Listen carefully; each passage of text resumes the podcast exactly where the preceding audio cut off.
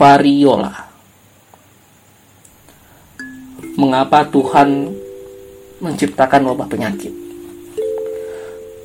Mengapa Tuhan gemar membuat ironi?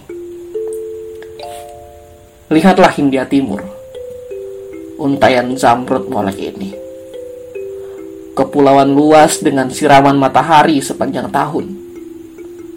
Hasil bumi melimpah, serta penduduk yang rajin melempar senyum. Bandingkan dengan Eropa, dingin, miskin, tak bermoral. Tidak seharusnya Tuhan menurunkan kutukan atau wabah penyakit di sini. Bukan. Bukan wabah kolera atau pes. Meski keduanya juga sempat membantai sepertiga populasi manusia di dunia. Aku bicara tentang cacar. Variola gelembung kecil bernanah di sekujur tubuh disertai demam tinggi yang mengantar penderitanya ke gerbang kematian. Wabah yang sejak 10.000 tahun lalu telah memangsa jutaan jiwa dan sejak abad 14 menjangkiti Hindia mulai dari Ternate, Ambon, dan kini. Ya, 18.000 orang kehilangan jiwa di Bali karena wabah cacar menjelang akhir tahun 1871 ini.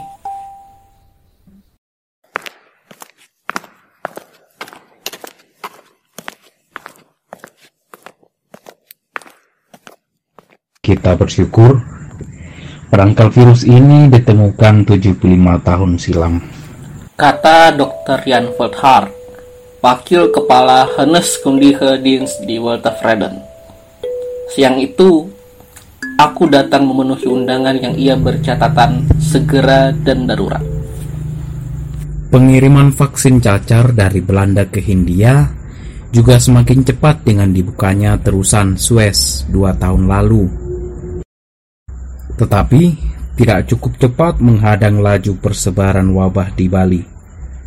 Sekali menyentuh Batavia, lumpuhlah semua kegiatan ekonomi. Uh, kabar terakhir, karantina sudah diberlakukan.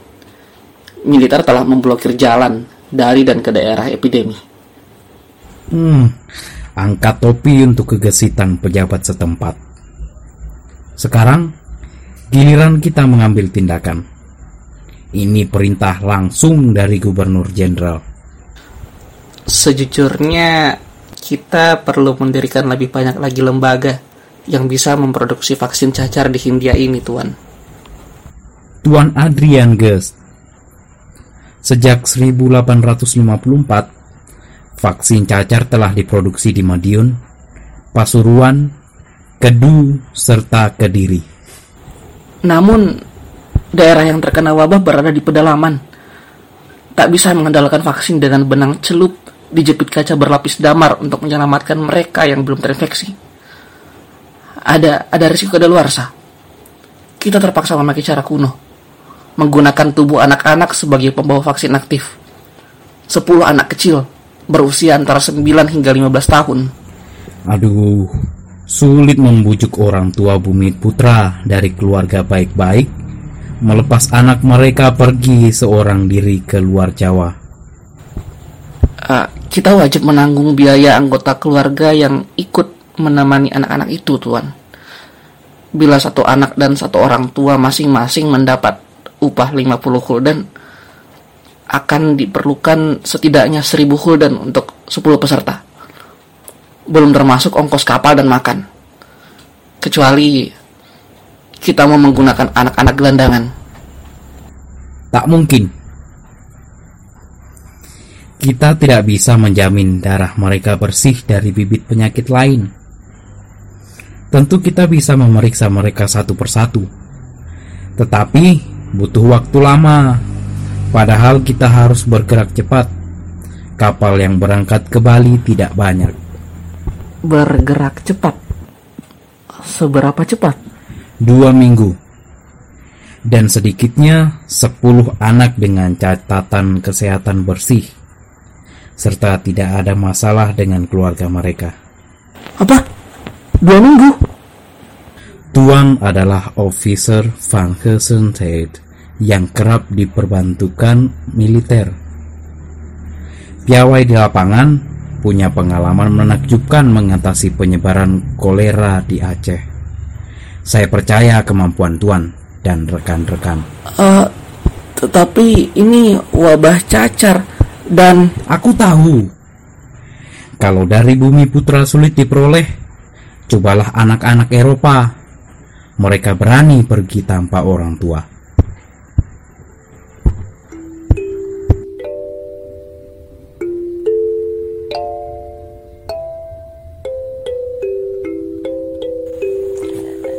Anak-anak Eropa, ya tentu saja, mereka lebih mandiri.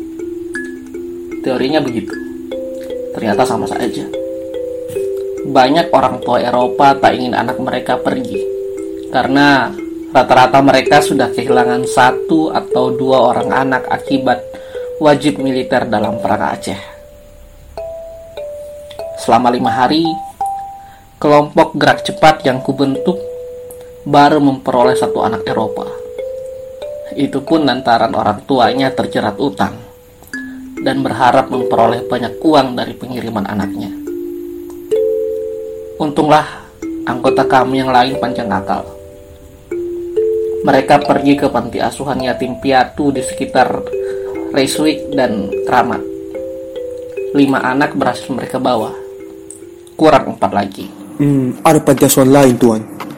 Lokasinya di bekas rumah Gubernur Jenderal Rainer de Klerk, milik Kolese van Elvom de Mente. Panti terbesar di Batavia. Ada gerejanya pula. Biar tuannya sendiri yang datang. Mungkin mereka akan lebih cepat membuka diri untuk membantu. Aku setuju. Maka pergilah aku ke tempat itu setelah sebelumnya mengirim surat dan mendapat izin bicara langsung dengan pengelolanya. Sebenarnya sudah sering aku lewat di depan rumah megah di jalan Molenvliet ini. Namun baru sekarang berkesempatan masuk.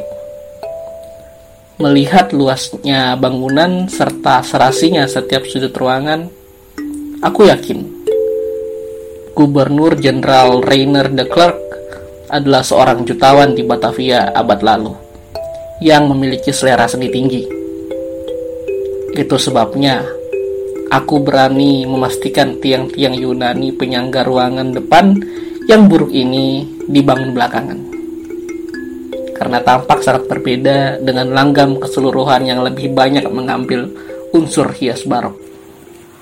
Bagian ini memang baru. Di sinilah kebaktian minggu dilangsungkan. Sementara bagian belakang dan pavilion berfungsi sebagai panti asuhan. Ya, luar biasa indah menir di domine. Aku menyambut tangan Van Keiser, pendeta yang berdiri di depanku. Ia adalah wakil kepala panti asuhan, seorang lelaki tua murung yang melengkapi wajahnya dengan alis kelewat curam serta sepasang mata yang selalu menyipit dan bersarang jauh di bawah dahi, membuat keseluruhan air mukanya seperti seseorang yang senantiasa memandang sesuatu dengan tingkat kecurigaan tinggi. Dan dugaanku benar belaka. Ini Hendrik Pathard. Dia akan kami. Sambung Van Kesher. Tangannya terayun kepada pria tambun berkacamata tebal di sisinya. Kami sudah membaca surat Tuhan. Mohon maaf, kami tidak mengizinkan anak-anak dibawa ke Bali. Terlebih sebagai donor vaksin. Ada yang ingin Tuhan jelaskan lagi berkaitan dengan surat itu? Banyak yang harus kami kerjakan petang ini. Besok, para donatur akan datang. Melihat anak-anak yang mereka santuni. Mengapa mereka tidak diperkenankan pergi di Domine? anak-anak ini akan memperoleh upah 50 gulden per orang.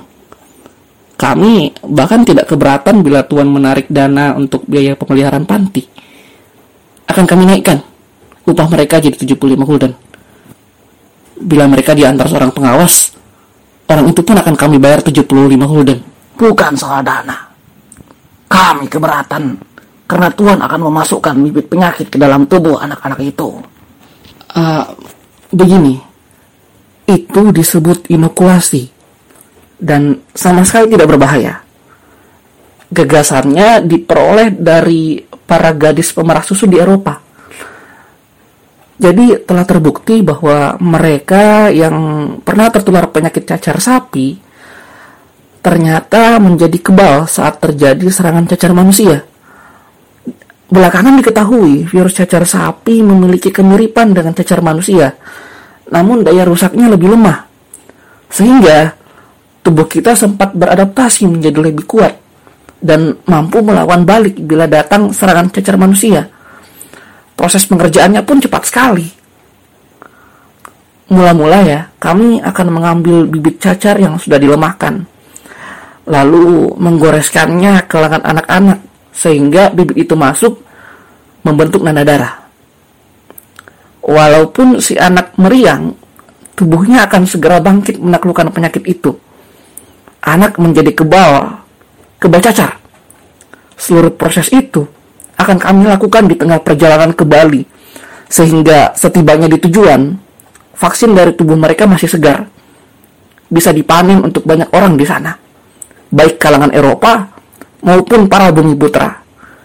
Dengan demikian akan tercipta benteng kekebalan penyakit di tengah warga. Penyebaran wabah pun akan terhenti. Hmm. Jelas sekali Tuhan tidak paham maksud kami. Sadarkah bahwa di sini Tuhan sebenarnya sedang berusaha mencampuri urusan Tuhan? Bagaimana? Bagaimana manusia yang sekecil debu ini bisa mencampuri urusan Tuhan? Tuhan khas. Ada banyak ayat tentang takdir di dalam buku itu. Van Kaiser menunjuk Alkitab berukuran besar di dalam rak di belakang kami. Bacalah intinya. Kita tak bisa menghalangi rencana Tuhan. Seandainya anak-anak itu terjangkit cacar, lalu selamat. Itulah karya agung Tuhan bagi umatnya. Bila mereka mati, itu juga kehendaknya. Tak ada yang bisa dilakukan di antara kedua kejadian itu. Ribuan orang tewas di Bali. Apakah Tuhan ini mencabut lebih banyak nyawa lagi dalam waktu dekat? Tuhan macam apa yang bengis seperti itu? Bagaimana bagaimana bila ia sesungguhnya justru ingin menyelamatkan mereka melalui tangan kita? Melalui ilmu kedokteran yang diberikan olehnya. Tuhan harus! Apakah Tuhan pernah membaca kisah Sodom dan Gomora? Ribuan orang dimusnahkan. Tuhan bengis katamu. Bukan. Ia sedang menunjukkan kepatuhan terhadap ucapan dan janjinya sendiri. Ia tidak pernah ingkar memberi rezeki dan hukuman. Ya, dan di bagian lain dikisahkan bahwa ia mengampuni pendosa. Jangan mengajariku soal pengampunan dosa, Tuhan Has. Mari, kukutipkan satu ayat. Sebab di dalam dia, Tuhan telah memilih kita sebelum dunia dijadikan. Supaya kita kudus dan tak bercacat di hadapannya. Efesus 1 ayat 4. Itu soal apa? Takdir. Iya. Tetapi, kalau tak paham bagian takdirnya, pikirkan kalimat berikutnya yang lebih sederhana dalam ayat tadi. Boleh Tuhan ulang. Jangan menghina aku, Tuhan. Mari kita perjelas. Tuhan akan mengambil darah anak-anak kulit putih ini untuk dicampurkan. Bahkan dimasukkan ke dalam tubuh para bumi putra. Dan di kesempatan lain, Tuhan melakukan sebaliknya. Betul. Apakah Tuhan lupa? Kita harus menjunjung tinggi kemurnian dan kekudusan tubuh suci ciptaan Tuhan. Tidak mencampurkannya.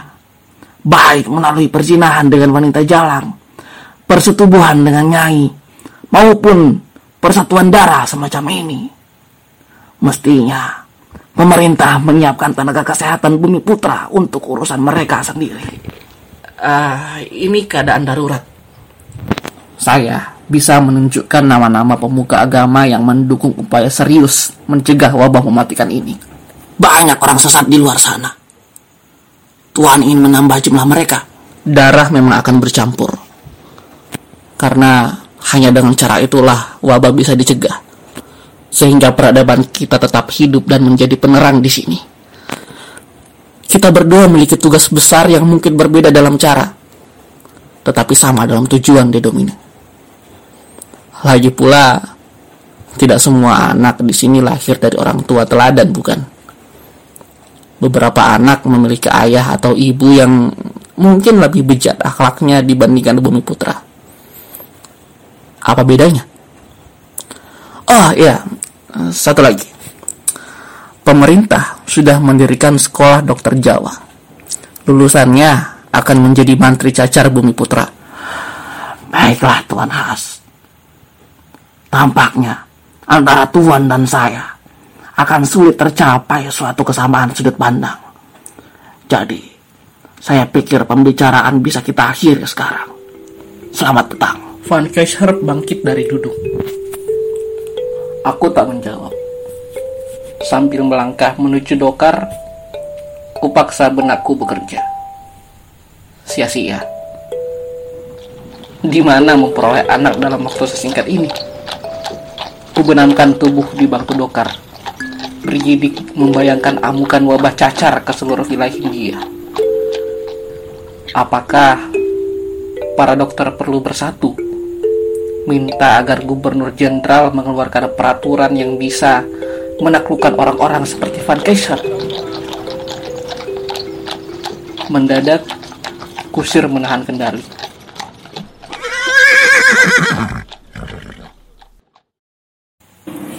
Tuan, coba lihat. Di sebelah kiri gerbang, di bawah lampu jalan. Tuan Diaken, apa yang Tuan lakukan di sini? Se sebentar saja tuan. Besok sore pergilah ke Kenarilan, rumah ketiga setelah perempatan, ke arah Mr. Cordelis. Kutunggu di situ bersama lima anak mistizo, empat lelaki, satu perempuan. Tempat itu cukup jauh dari sini. Tetapi semoga bisa membantu menghentikan wabah cacar ganas di Bali. Terima kasih banyak, Tuan. Kami ambil yang laki-laki saja. Jangan yang perempuan. Tetapi bagaimana dengan orang tua anak-anak itu? Mereka anak-anakku tuan. Sebelum menikah dengan istri Eropaku, aku pernah hidup bersama seorang wanita bumi putra selama beberapa waktu. Tolong jangan katakan ini kepada Didomine. Janji. Ia mencari persetujuan di mataku. Ku tatap wajah bulat bersih di depanku ini. Yang dalam kegelapan petang itu seolah berpendar di bawah siraman lampu gas. Memancarkan cahaya kesalehan, sekaligus bara api neraka.